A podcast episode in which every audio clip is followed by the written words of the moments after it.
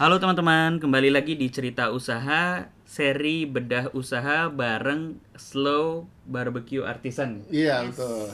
Ini adalah podcast lanjutan part 2 dari pembahasan kita bersama dengan Slow, dengan Mas Kemal dan Mbak Nabila. Halo. Halo, halo.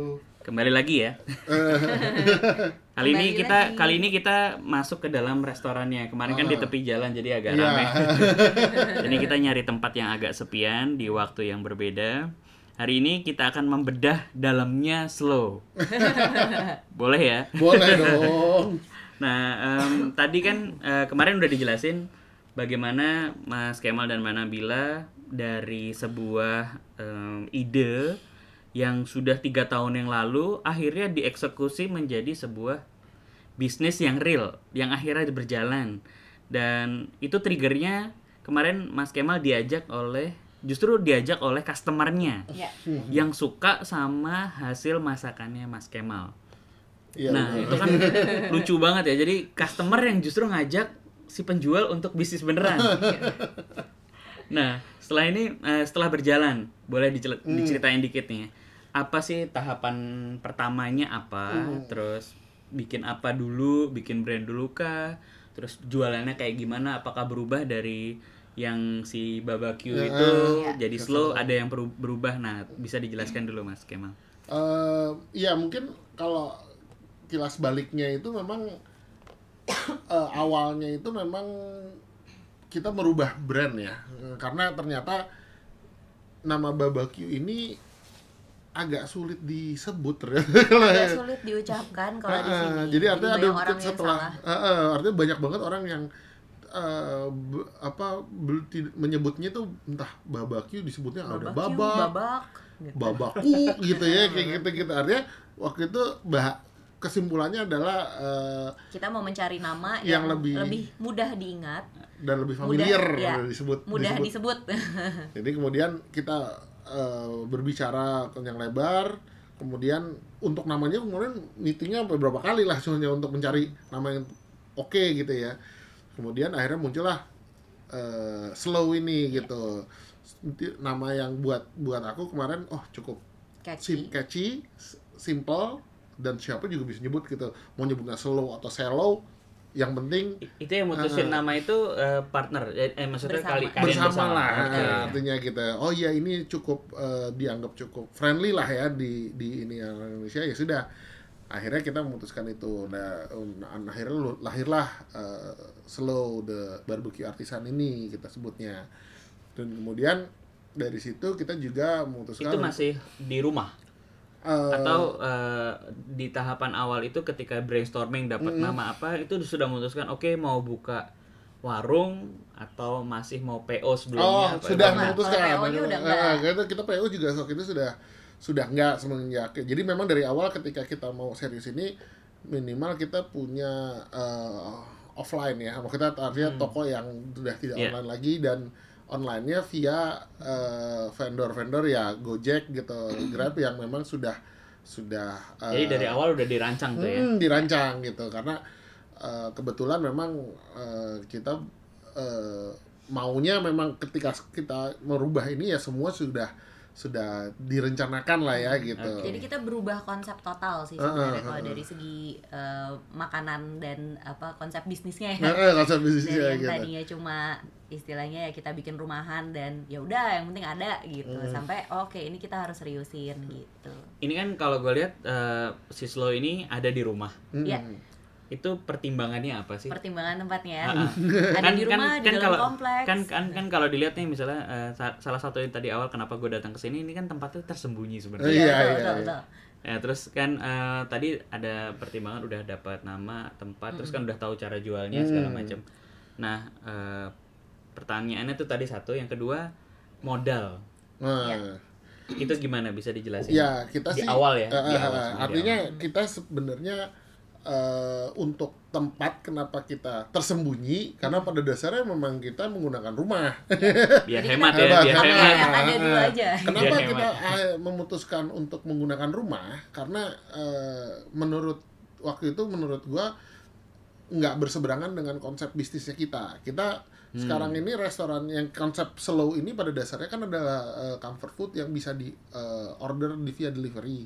Sehingga yang dibutuhkan pada dasarnya hanya titik untuk eh, Delivery-nya. delivery-nya gitu loh. Nah ini Apa- buat teman-teman kan kemarin juga banyak yang nanya nih mau masuk ke dunia industri makanan. Tapi belum belum udah mikir wah gue harus sewa tempat nih gue harus nyari tempat yang strategis nih. Mm. Nah slow ini bisa jadi contoh yang luar biasa karena tempatnya ya memang di pusat kota cuman eh, kalau gue bilang Masuk ke dalam kota. ngumpet banget. Iya betul betul Banget. betul betul. Nah, ini kan di awal bisa jadi dengan memilih rumah sebagai pusat bisnis awal kita Betul. adalah salah satu cara untuk menghemat biaya. Yes, betul gitu. Jadi, Jadi- memang konsepnya kita nggak butuh tempat yang terlalu wah atau harus Eh. di komersil distrik. Kenapa? Karena kita jualannya eh, delivery Iya. mostly Mungkin gitu. Jadi malah malah malah konsep. utamanya konsep utamanya adalah Untuk makanan di, dikirim. Ya, Iya, kirim betul. betul. Belum belum uh, memikirkan bagaimana makan di tempat. Eh, belum, belum betul. Oh, jadi kita oke. makanya kita juga bikin tempatnya ya sebenarnya tempat yang decent untuk makan yang eh, tapi memang memang yang lebih kita utamakan eh, istilahnya sekarang ini pun pemasukan kita mostly-nya adalah Dari- dari, delivery dari GoFood gitu Kalau teman-teman sempat mampir nih, Slow itu ada di daerah Lebak Bulus Iya, ya. betul. Di jalan apa? Taman Lebak Bulus 4, ya Blok O nomor 44. Nah, eh, di sini ini susah sebenarnya. nyari Betul, ya betul, betul. susah banget tapi begitu sampai ternyata eh, mereka ini tim slow ini keren banget kenapa karena menyulap garasinya Iya. jadi mobilnya harus dibuang di luar Iya, betul, betul. mobilnya sampai nggak bisa parkir gara-gara Biarkan kehujanan, bi- yang penting gara-gara eh, mereka pengen banget si slow ini punya tempat yang Iya. bisa tempat makan Iya, akhirnya betul. ya ini garasi nah, kita ubah jadi tempat eh, makan kan bisa ngakalin banget nih kalau kalau teman-teman punya ya minimal punya garasi atau di depan rumahnya punya space Iya. Bisa nggak usah mikir wah mau sewa di mana udah jadiin aja bisnisnya itu di depan rumah Iya. atau di dalam rumah Yes, Biar iya, intinya betul. selalu ada caranya lah Selalu ada cara, betul, betul, nah betul. selanjutnya kan setelah tadi eh, kalau boleh di- diceritain sedikit kalau boleh ya Iya. ini nggak tahu rahasia atau enggak berapa sih eh, patungan awalnya Oh. kalau kalau ini kan eh, ya macam-macam ya ada ada yang bisnis gerobakan juga beda. Hmm. tapi untuk sebuah industri ini nanti gua akan share eh, foto-fotonya dari Slow atau bisa follow di Instagramnya. Instagramnya at slowmeat.id at slowmade.id nah untuk lihat kira-kira penampilannya kayak apa sih? Nah dengan penampilan kayak gitu gue jadi curious juga kira-kira butuh modal berapa sih di start di awal? Eh, dan apakah modal itu dari tabungan tadi jualan setahun PO atau memang ada anggaran lain yang dulu dari kerjaan Iya. sebelumnya Artinya kalau kita dari segi permodalan dengan eh, para rekan-rekan sesama owner lah ya gitu. Hmm. Memang kita mem- secara se- kita mengikuti aturan yang standar berlaku lah ya gitu. Kita mau kebetulan kita memiliki payung hukum kerjasamanya dalam bentuk eh, PT. oh udah langsung Ah, dari ah. awal udah bentuk Iya, bikin- karena memang- karena udah ada kerjasama ya Ah, udah kita sama mau- orang lain ya Nah, artinya buat saya eh, karena ini bekerjanya dengan orang lain yang pu- purely bisnis ya bukan saudara, bukan teman, bukan apa gitu ya. Lebih baik Nah, ini penting juga Ah, nih. Kalau kalau masih usaha sendiri mungkin belum perlu banget Iya, untuk betul, bikin badan betul. usaha, Ah. tapi ketika awal sudah ada partner, malah ini di- di- dibahas duluan nih. Iya. Legalitas harus dikedepankan Iya. supaya apa? Supaya kalau ada konflik mungkin lebih aman. Iya, Iya. betul. Sama-sama melindungi sebenarnya Iya, sama-sama gitu ya melindungi, gitu. oke. Jadi Balik kalau lagi ke modal eh, tadi. balik lagi secara modal mungkin kita patungannya waktu itu kalau se- kita sebenarnya Yang paling penting aja, Ah. mungkin kan mungkin yang paling utama adalah alat masak atau Hmm. apa Kita gitu, juga investasi di awal yang menjadikan tempat ini sebagai modalnya kita sih Iya, ya. iya, jadi iya. kayak Eh, alat rumah. masak rumah eh, jadi kan karena kita nggak perlu sewa juga gitu jadi hitungannya eh, pada saat pembagian ininya pembagian saham lah ya. saham ah, kita memasukkan ada Faktor rumahnya ini Iya. jadi Ah, ah, nilai ah. nilai yang cukup nggak cuma rumah karena kita menggunakan kayak nggak usah jadi buat nggak usah terlalu ribet buat yang dengerin nih ya gitu tau nggak yang kita jadikan selain rumah apa? Panci. Panci itu kita masukin nih gitu. Kita punya panci nih aset kita. Punya kompor Panci. masukin gitu.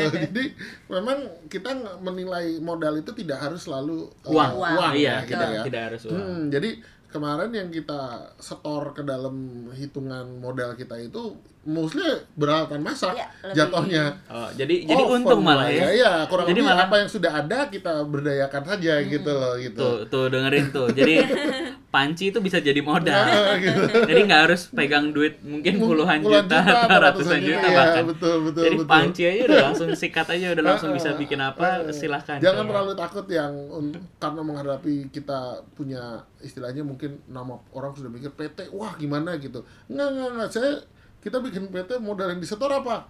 Kompor sama panci gitu.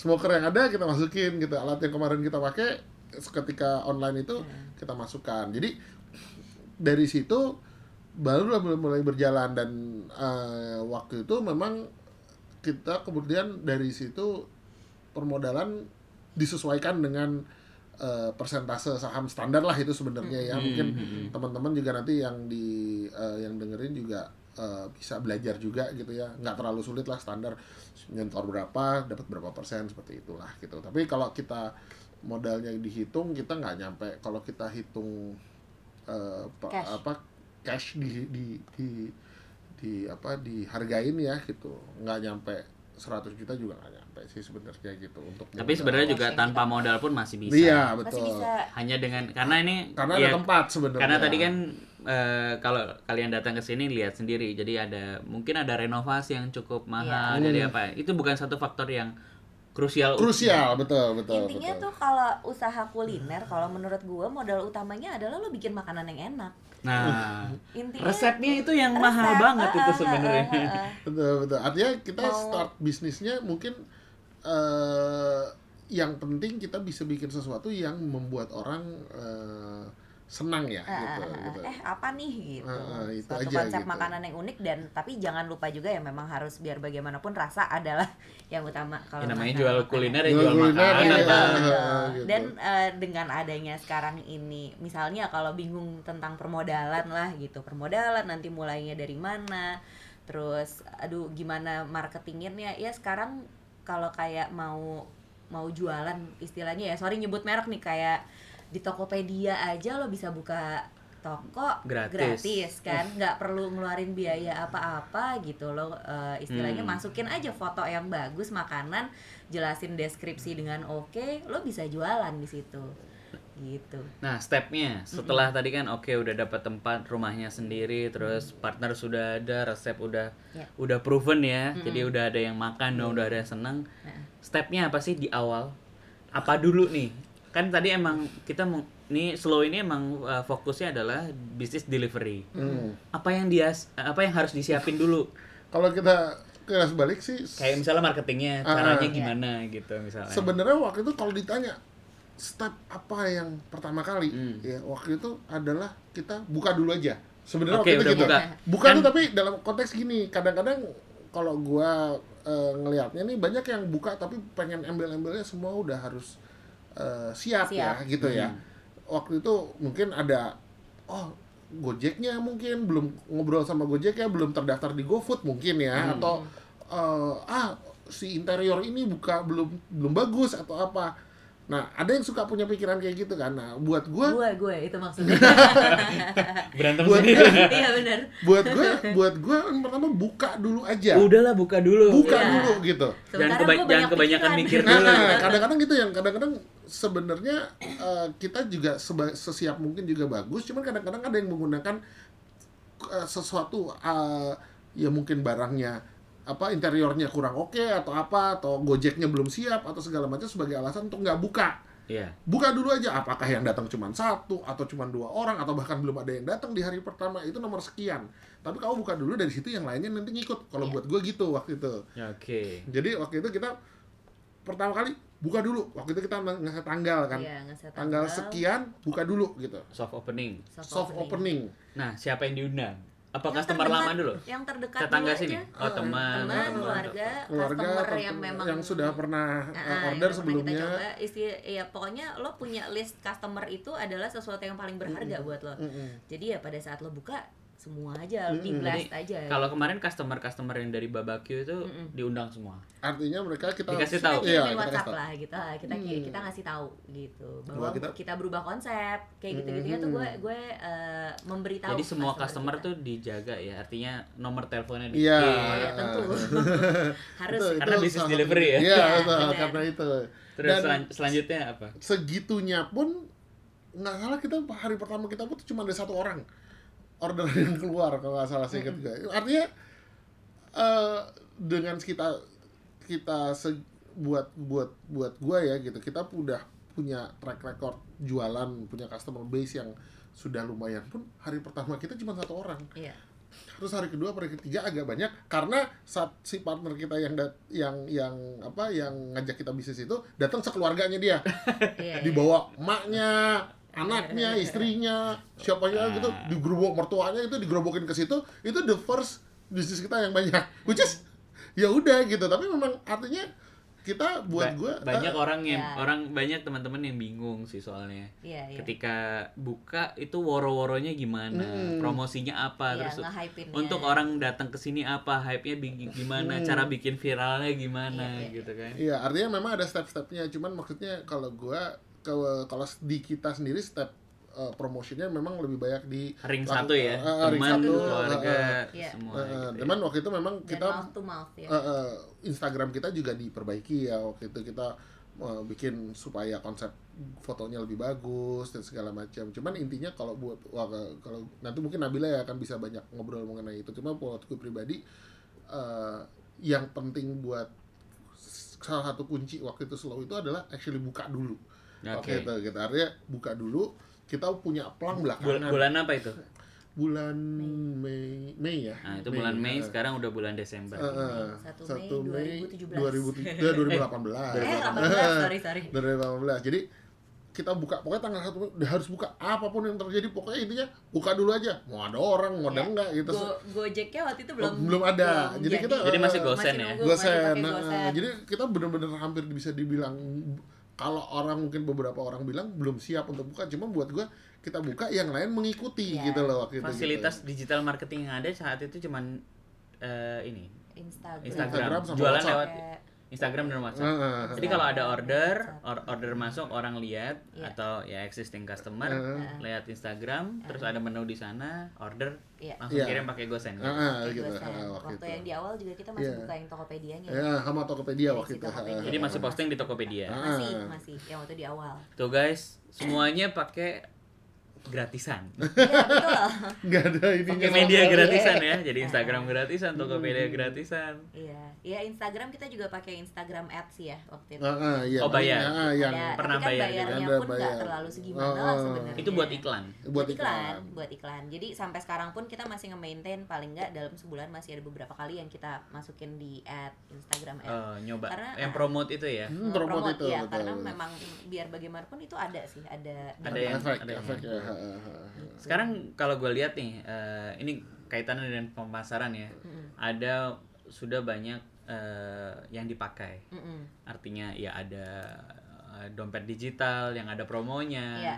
Ada GoFood, Iya. ada Zomato. Ini sebut eh, gue sengaja sebut merek Sebut supaya nggak apa sebut merek karena eh, buat contoh teman-teman yang mau bisnis kuliner ternyata banyak tools yang bisa kita pakai untuk mendongkrak penjualan. Iya. Itu bisa diceritain nggak tuh? Jadi iya ya, kalau dari segi marketing eh, strateginya lah ya kita bilang dari awal itu yang pasti Instagram kita yang kita jalanin. Terus Mm-mm. tadi aku bilang itu Instagram ad itu juga eh, kita pakai. Terus eh, seiring dengan berjalannya waktu kita merasa kita perlu oh ini kayaknya buat karena tempatnya kita nyempil, kita perlu orang untuk tahu dulu ini tempatnya di mana gitu. Jadi akhirnya kita Hmm. pakai eh, masukin ke Zomato Mm-mm. masuk di Zomato. Zomato tuh ada yang gratis, ada yang Zomato bayar ada ya. yang gratis, ada yang bayar. Awalnya kita masuk dulu, yang penting ada di listingnya Zomato, orang Mm-mm, nyari tempatnya. Hmm. orang nyari tempatnya bisa ada, sampai akhirnya kita eh, di approach untuk kayak eh, why not nih coba Iklan. yang berbayar, eh, yang iklan karena memang ada keuntungan lebih lah gitu di belakang itu kan. Ya sudah, akhirnya kita pakai si Zomato itu. Terus Kalau eh, di Google My Business ada nggak sih? Google Business pun ada eh, page-nya ada. Oh iya itu perlu dipakai sih. Jadi Google Business itu adalah salah satu kayak kartu Tools di tools gratis, di uh-uh. tools gratisan dari Google ya. Iya. Jadi kalau teman-teman punya bisnis itu kayak ngetek aja sih, Iya, tag location lah. Tag location, Tapi begitu foto. uh, uh, begitu kalian bikin uh, bisnis yang masuk di sana ada keterangan telepon, Iya. email, website, arahan menuju ke sini, Iya, betul. ada reviewnya, ada fotonya, bisa ada menunya, dan Uh-uh, itu semua uh-uh. gratis. Gratisan kalau gitu. Hmm, Oke, terus Terus selain eh, ya dari situ si Zomato, Zomato kita pakai. Lalu setelah itu GoFood ya. GoFood GoFood yang, yang paling, paling utama ya. karena kita memang eh, ngarahinnya ya mentargetkannya adalah untuk delivery gitu. Ada GoFood, ada GrabFood, GrabFood ada juga. GrabFood kita belum sih. Oh, belum. Jadi sejauh ini GoFood aja yang kita pakai. Eh, dari situ ya karena memang pemasukan kita mostly-nya adalah dari si GoFood jadinya. Sekarang kan juga bisa dine in. Bisa makan di sini artinya Ya. Bisa. makan di garasinya slow. itu berapa persen sih menyumbang penjualan? Persentasenya ya. Orang yang Eh, datang sama orang yang take away. Maksudnya pesen Yang order di luar ya. order delivery, Delivery, delivery. dan take away ya. Eh, kurang lebih Kecil 35 sih. 3565 ya. 35 makan di 35-nya sini. yang dine in. Oke. I would say malah lebih kecil sih kalau gue ngelihatnya eh, 80-20 kalau gue ya Ah. Udah mulai banyak ya. Karena tempatnya sih sebenarnya sekarang juga udah bagus ya, udah. Iya. Sudah banyak renovasi, Iya. sudah banyak pernak-pernik yang ditambahin dari Iya. awal. Kalau kalau dari segi yang dine in di sini sih eh, kita Kenapa mereka bisa datang dari sini? Kita ram ah kenapa? Kan bagaimana eh, tim slow bisa ngajakin orang ke tempat terpencil ini? Eh, mouth to mouth sih Oh gitu. Karena Banyaknya banyak mouth to mouth, betul. Iya, mouth to mouth. Kadang juga dari ya itu dari si Instagram ada yang nge-DM kita nanyain tempatnya di mana gitu. Kita kasihin arahannya. Tapi eh, mostly ya memang dari recurring customernya kita yang memberitahu ke teman-temannya, eh ini ada tempat enak di sini lo harus cobain gitu. Lebih banyaknya sih kayak gitu. Atau orang yang ya lewat aja, lagi lewat aja. Eh, penasaran. Jadi artinya eh, biasanya memang orang yang seneng dengan eh, nyoba ke sini, terus dia eh tempatnya enak nih buat makan gitu ya. Hmm. Terus dia ngomong lagi, mostly untuk Atau mouth to untuk untuk yang makan di sini memang rata-rata mouth to mouth ya. Atau si Zomato ya. Atau Zomato. Jadi orang yang memang hardcore, eh bukan hardcore, apa ya, yang memang seneng dengan barbecue, yang tahu Harus tentang cobain brisket. nih. Ah, ah. Harus Jadi mereka kayak mencari tahu gitu tempat-tempat di mana sih nih yang ada tempat jual kayak gini karena belum banyak kan sebenarnya. Ada tapi yang punya tempat tuh belum banyak. Oh, masih PO-PO-an Ya, juga mungkin. ya. rata-rata tuh masih online jualannya. Ada yang jual yang yang punya tempat tapi eh, skala bisnisnya berbeda lah dengan kita gitu, lebih gede, Oke. Hmm. lebih mahal juga gitu. Terus kalau alokasi iklannya sih sebenarnya berapa persen sih? Dari Alokasi biaya ya? Ah, ah, ah, ah. Atau apa coba-cobaan aja, masih coba-coba atau memang sudah menganggarkan kira-kira keuntungan misalnya 100%, Ah, berapa persen kita kembalikan untuk iklan atau gimana? Kalau persentase sih kita juga belum Masih coba-coba masih ya? coba-coba. ah. Jadi kita masih misalnya di bulan ini kita pakai eh, banyakin dengan eh, food enthusiast gitu. Kita ngundang yang kayak food food Food apa blogger. gitu, blogger gitu. Itu bayar ya? Itu ada yang berbayar, ada yang enggak. Oh, ada yang kita Ya, undang ah. emang Ada ada. Jadi mereka pun eh, ada ada tingkatannya. Ada micro micro, Microblogger ya blogger, sebutannya ya. ada yang eh, makro jadi Mm-mm. yang micro itu kurang lebih yang kayak follower followernya masih ribuan lah gitu yang Hmm. kayak gitu menurut kita sih dampaknya lumayan gede ya yang Hmm. micro itu juga kayak mereka nggak nggak meminta bayaran nggak meminta bayaran istilahnya ditraktir makan aja udah seneng gitu Hmm. dan mereka ngepostnya tuh nggak perhitungan Oh iya. Heeh, Hmm. jadi Nggak pelit kayak- ya, nggak jadi pelit, nggak pelit, jor-joran nggak ya, pelit. Tidak terlalu komersil lah tidak jatuhnya terlalu ya komersil gitu. gitu Mungkin dari se- mungkin juga. cuman 1000 2000 followernya tapi yang makan malah Iya gitu. Kalau lebih banyak. berasa berasa Lebih sekali. banyak. ha. dan di repost repost sama yang account gede jadi kayak ada kan memang yang account-account Instagram yang khusus untuk makanan yang udah ratusan ribu followernya Hmm. tapi mereka sistemnya adalah ngerigram orang yang nge-tag mereka gitu Oke. nah itu dari situ jadi kalau kayak ada yang si micro micronya ini mereka nge di, di regram sama yang gedenya ini oh itu dampaknya gede sih Followernya berapa sih Instagramnya Slow ini sekarang? Followernya Instagram slow tuh 1800-an 1800-an. 1800-an oke. Kita Berapa lama memang- nge ngebangun follower sampai segitu? eh ya dalam enam bulan ini Enam bulan Ah, itu? ah, ah, ah. jadi eh, kita memang makainya apa namanya eh, Organik. organik ya Organik. Iya, ha, ha, ha, ha, ha. Ya iyalah masa beli follow. oh terus satu lagi kalau yang buat marketing tool eh bukan marketing tool eh, buat meningkatkan awareness eh, slow ini selain kita eh, punya outlet kita juga ikut dengan bazar Oh iya, bazar. Nah, kita Itu ikut di bazar bazar Kayaknya sering banget ya lihat-lihat ada di bazar Iya, lumayan. pop up market ini, Oh, pop up iya. market. jadi kita Itu bisa diceritain sedikit ya. Gampang nggak sih masuk ke sana? Terus eh, worth it gak sih Worth it. bayar iklan? eh, maksudnya bayar kan Eh, bazar kan ya. bayar Bayar bazar tempat. kan juga mahal kan? Ah, Nggak ah. nggak ada yang mahal, ada yang murah, ada yang gratis sih. Iya, ha. Nah, Kalau- ikut event kayak gitu gimana dampaknya? dampaknya sih gede banget kalau menurut aku. Apalagi kalau memang kita ikut bazar yang eh, sudah punya nama yang memang kadang memang yang sudah punya nama itu lebih gede. Dari segi budgetnya eh, eh, bayar sewanya itu kayaknya hah empat hari bayar sewanya segini gitu. Tapi ternyata eh, returnnya itu gede banget Heeh. gitu kalau ikut bazar Karena memang itu. sudah trusted ya. trusted dan Dan yang eh, datang sudah yang marketnya udah jelas. Iya, Heeh. tertarget dan memang banyak gitu istilahnya mereka punya punya bisa me- membawa eh, membawa customer Traffic yang ya, traffic, yang segitu ya, banyaknya. kayak gitu misalnya ikut bazar atau pop up market gitu biasanya orang yang sudah makan beli lagi nggak pernah di tracking nggak Eh, pernah beli di lagi, pernah beli lagi. iya Jadi aku eh, ngelihat dari kayak gini aja, misalnya ada yang nge, nge tag kita di Instagram gitu, di pakai Insta story-nya dia. Duh gila kemarin gue nyobain di bazar ini dan sekarang gue pengen lagi akhirnya gue gofoodin. Itu kan ada yang kayak gitu-gitu. oh sering ya sering, Sering, lihat sering, kayak gitu sering ya dm gitu. dm gitu ya Plus traction ke toko pada saat kita Iya. bazar selalu di di store pun naik. Oh gitu Iya. Heeh. Jadi itu kalau fenomena yang kita baru menyadari lah gitu ya Iya. setelah ikut bazar yang ini Heeh. Di hari yang sama. di hari yang eh, sama di hari bazar itu iya. traction di toko juga naik. eh, naik gitu oke kita udah bahas mengenai pemasaran sekarang SDM-nya Ya. nah dari awal pegawainya berapa sih sampai enam bulan ini ada berapa pegawainya Dari awal Pertumbuhan.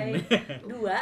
dua ya kita awal pertama kali itu dua kita- itu kalian berdua oh enggak kita Nah, itu itu zaman PO aja. Oh, Mas. sampai PO cuma berdua. berdua gitu. Terus waktu kita buka ini kita eh, rencana memang eh, baru waktu itu startnya di eh, dua karena dua ini pun mereka kan ada libur-libur jadi kayak ada beberapa hari di mana mereka cuma sendiri sebenarnya gitu ya. Masuknya. masuknya cuma sendiri. Dan kita kita pun di awal memang kita yang sangat Iya. dari pagi sampai malam Nah, nungguinnya. kita back sampai sampai sekarang Nah, sekarang pun masih Sekarang kita masih setiap hari tentu, tapi eh, karena ada cabang juga dan kadang ikut oh bazar udah ada kan- cabang sekarang.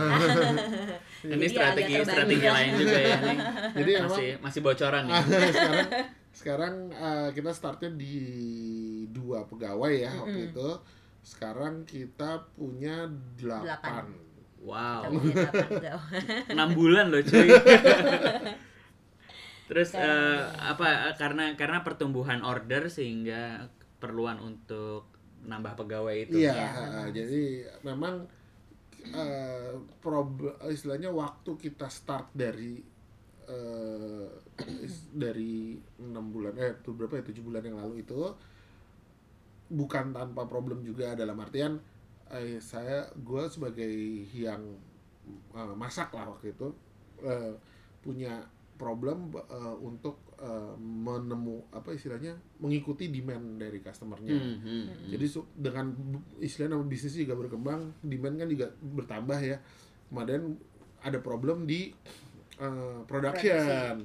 Jadi gua kita harus dari yang si alat yang kita pakai yang cuman buat panggangan itu sudah tidak mampu lagi untuk menghandle ordernya kita. Jadi akhirnya kita harus uh, beli atau bikin dan kebetulan memang karena karena teknik ini sangat tidak umum, Iya. alat masaknya tuh nggak ada di sini. Heeh. Jadi uh, Bikin. harus bikin. Bikin. harus bikin Hmm, gitu. Harus bikin atau impor dari Amerika. Which is kan nggak mungkin ya kalau impor dari Amerika. eh, harganya aja ratusan juta. Harganya bisa sampai ratusan juta gitu untuk ngimpor barangnya sendiri. Jadi kita udah nggak nono, kita bikin sendiri gitu. Kita Hmm. bikin sendiri eh, dengan kapasitas yang lebih besar yang bisa memenuhi eh, demand kita sampai saat ini. Jadi itu itu yang yang terjadi di eh, sisi production. Jadi memang sampai eh, nggak tidur tidur Nah, Kemal tuh dulu artinya dulu kan nggak tidur tidur ini artinya begadang nggak pulang Ah, Order banyak, duit banyak nggak tidur Eh, tapi.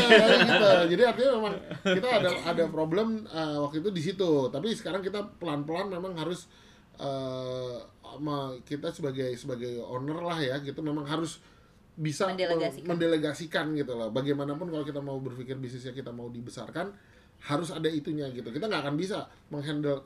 Saya bisa masak satu dua daging, tapi saya nggak akan bisa memasak 15 daging sekaligus intinya sih gitu. Jadi eh, sudah ada enam pegawai. 8 Eh, sorry sorry, Delapan. delapan pegawai. Eh, ada yang Itu dari sekitar sini semua. Apa dapat pegawainya dari mana itu? Oh, awalnya itu dari eh, dari kenal rekomendasi, ya sih. ah, rekomendasi Dari rekomendasi. Ah, ah. terus mereka saling merekomendasikan satu berapa tahun-tahun kita beberapa pegawai dari satu link sih sebenarnya Nah, oke. satu link terus baru sekarang yang terakhir ini baru kita ngambil Ngebuka. open recruitment Open recruitment. Open recruitment baru ada beberapa ngumumin orang baru yang di luar inilah ya di luar Lewat Instagram aja nih ada Lewat buka lowongan Hmm, gitu. gitu. Buka lowongan Ah. dari gua ngasih tahu ke teman-teman atau ini siapa Kadang-kadang ada nggak yang punya bajakin eh, restoran lagi di mana gitu kasih kartu nama gitu Gokil. gitu aja gitu Terus itu eh, kalian sendiri yang memanage ini apa pegawainya? Artinya ad- sudah ada bagian khusus eh, kita ngomongin sedikit menuju ke arah ke pengelolaan. iya ya.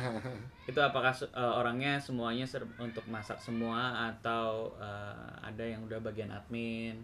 eh, sekarang ini udah keuangan, lebih sekarang ini udah lebih tertata ya waktu yang di awal dua orang karyawan itu memang kita cuma eh, istilahnya eh, kayak kasir dan buat urusan keuangan itu saya yang iniin sendiri Kemal bagian masak eh, gue yang megang buat adminnya segala catatan-catatan itu gue tapi sekarang ini memang kita udah udah punya orang-orang yang kita arahkan lah memang kita juga eh, ini juga berhubungan dengan eh, apa karena kita punya eh, istilahnya ada orang lain selain kita ya selain Hmm. selain kita yang em, apa ikut eh, di dalam bisnis ini buat saya transparansi itu paling Iya, iya. penting ya gitu ya gitu menghindari istilahnya nggak mungkin lah kita kita transpa- apa nggak walaupun kita nggak punya niat tapi kayak gitu-gitunya kan penting ya untuk dikontrol bukan hanya untuk masalah trust tapi untuk kita melihat juga ini kondisinya secara keuangan seperti apa nah jadi Ya. untuk itu kita memang dari awal menggunakan eh, financial management financial eh, semacam financial Aplikasi? enggak Enggak. ada, Ada kayak vendor lah gitu. vendor. Oh, vendor. Consulting yang memang mereka eh, se- sebulan sekali memberikan laporan yang em, komprehensif ya Iya. terhadap ini. Jadi kita bisa melihat gitu dan itu eh, ini mungkin bukannya gue mau jualan atau seperti apa ya, cuman ketika kita menggunakan yang seperti itu, it's dif- sangat berbeda dengan kita istilahnya nyoba ngitung sendiri atau bikin sendiri. Setiap orang mungkin bisa bikin eh, hitung Uh, hitungan income berapa, cost berapa, berapa. eh, berapa. Cuman untuk membuat uh, yang benar-benar komprehensif dan bisa istilahnya sesuai dengan standar perusahaan lah ya gitu ya bisnis gitu emang ternyata nggak segampang itu ya gitu. Dan kita ini kita cerita aja gitu. Kita pernah waktu membaca laporan kita tiba-tiba ada kos yang ditulis sama si accountingnya dua puluh ribu. Di antara angka yang lumayan besar itu ada 20.000 ribu nih. Siapa ini 20.000 ribu gitu? Ada kos dibilangnya untuk entertain ada yang makan gitu. Terus ternyata dari aplikasi bisa diklik angka itu. Tek keluar stroke foto stroke gitu. Ternyata itu apa? Jadi waktu kita belanja untuk makanan apa kita belanja untuk keperluan eh, restoran anak saya beli coklat. Ke masuk ke situ. Iya. segitu detailnya sampai bisa mencatat di sini ya. Oke. gitu. Jadi artinya sesuatu yang buat gue sesuatu yang sedetail itu akan selalu bagus ya. Kalau apalagi kalau kita ngobrolnya masalah keuangan yang di mana eh, hal-hal kayak gitu bisa jadi sensitif ya gitu ya Mhm. dan ini selalu Karena kita kan buka bukan bisnis sendiri. iya Ini. betul terutama Kalau ada lain yang partner partner yang misalnya wah ngeliat kayak gini, waduh gimana kan Nah, eh, artinya transparan eh, ya. transparansi itu penting lah kalau kita gitu Kalau ada ada peng- pengelolaan keuangan seperti ini ya artinya kan memang keuangan pribadi juga udah terpisah jelas Iya, ya. Iya, jelas terpisah memang, betul memang. Ha, Jadi ha, ha, Jadi akan, akan jauh lebih nyaman lah. jauh ya, lebih nyaman betul betul betul Terus kemudian eh, menuju akhir nih. Nah, Ta- Target ke depannya apa sih? Dan sekarang nih sampai dari satu eh, dari nol sampai sekarang enam bulan kalau boleh dilihat boleh diceritain sedikit perjalanan apa namanya salesnya. Dari awal kira-kira eh, average per hari berapa terus enam bulan ini sudah sampai level mana sih penjualannya kita kalau- ngebangun dengan cara seperti ini gitu. Bisa diceritain Ya, sedikit. Terus eh, nextnya apa nih? Setahun ke depan targetnya apa? dua Em, tahun ke depan. Alhamdulillah sih kita ya dari awal tahun ini ya 6, bul 6 bulan atau 7 bulan terakhir ini memang sudah ada perkembangan yang lumayan signifikan ya alhamdulillah gitu. Dari kita ikut bazar yang tadi diceritain Nabila, dari kita promotion segala macam segala macam. Ya eh, sekarang ini alhamdulillah kita udah punya satu cabang udah buka. Oh baru buka cabang udah bu- baru buka cabang baru ya ah, yang memang tempat lokasinya eh, Lebih di tengah lagi. lebih di tengah lah. Kebetulan di daerah Senayan di Jalan Hang Lekir ya dekat Senayan Oke. City situ. Jadi eh, ini baru lah baru belum sebulan ya kita buka di situ. Nah eh, terus juga apa namanya dia dari segi pegawai juga kita sudah alhamdulillah meningkat gitu. Dan kalau gua bisa bilang kalau dari sales kita dari yang cuman ya dulu ya gue bilang gitu paling cuma satu dua bisa gitu ya bisa kayak gitu Heeh, gitu sekarang eh, rata-rata kalau kita ngomong mungkin kalau dari kan sebut- kita banyaknya memang eh, Gojek ya gitu Ah, take away Gojek ya. take away Delivery. segala macam heeh. Jadi em, kita itu kurang lebih kalau Gojek itu sekitar 20 30 Gojek sehari lah kurang lebihnya mantap Eh, satu di satu outlet, eh, Satu di outlet. satu outlet. Jadi belum pas bazar belum pas Oh, ya. bazar. nah kok. itu bazar tuh kadang bisa penghasilannya segitu fantastis kadang-kadang ya itu ya mungkin yang harus di ini ya gitu Kema- eh, apa buat teman-teman yang mungkin mikir mau ikut bazar gitu sometimes kalau buat gua bazar itu eh, salah satu alat yang satu kita bisa Branding. untung ya ada untungnya lumayan banget jauh lah itu. Artinya kita kalau kalau teman-teman boleh gue boleh bilang ke teman-teman yang dengerin berapa kos yang lo bazar itu kalau bazarnya besar ya gitu ya. Itu biasanya baliknya at least lima kali lipat lah ada gitu. Paling tidak. Jadi eh, bazar itu kita sekarang eh, salesnya salesnya itu kita bisa nutup sam eh, kurang lebih sales kita sebulan atau dua bulan tuh bisa ditutup Per- ada satu satu event ya. gitu Nah nih buat teman-teman ya. yang punya kuliner jangan lupa ngeliatin nih informasi bazar. itu penting juga tuh. Terus oh iya tadi ada yang terlupa di industri kuliner itu ada standar nggak sih menetapkan margin? Kan kadang-kadang orang wah pengen bisnis kuliner tuh dibilang marginnya minimal 50% atau 30% atau itu menetapkan standar-standar kayak gitu nggak sih? sebenarnya kalau di kita sendiri sih kita nggak terlalu yang eh, bagaimanapun tergantung kulinernya ya kalau gue ngelihatnya jadi kalau kayak kita we use ingredientsnya memang ingredients yang kita pilih eh, bagus ya Premium. gitu premium. Jadi semakin premium memang kayaknya kita juga eh, yang terjadi sama Slow ini adalah kita memilih ingredients yang lebih premium tapi kita nggak mau matok harganya terlalu premium jadi sehingga marginnya sendiri wajar tapi tidak Nah. berlebihan sehingga kalau kita sendiri nggak overprice ya kadang-kadang kan kita lihat ya. sekarang apa-apa di brandingin kuliner yang yang tadinya ada di pinggir jalan gerobakan di brandingin dikasih Iya, brand, ah, terus gitu. dikasih price tag yang harganya tinggi banget eh, gitu. Ini Betul, ayam betul. delapan puluh ribu gitu. Jadi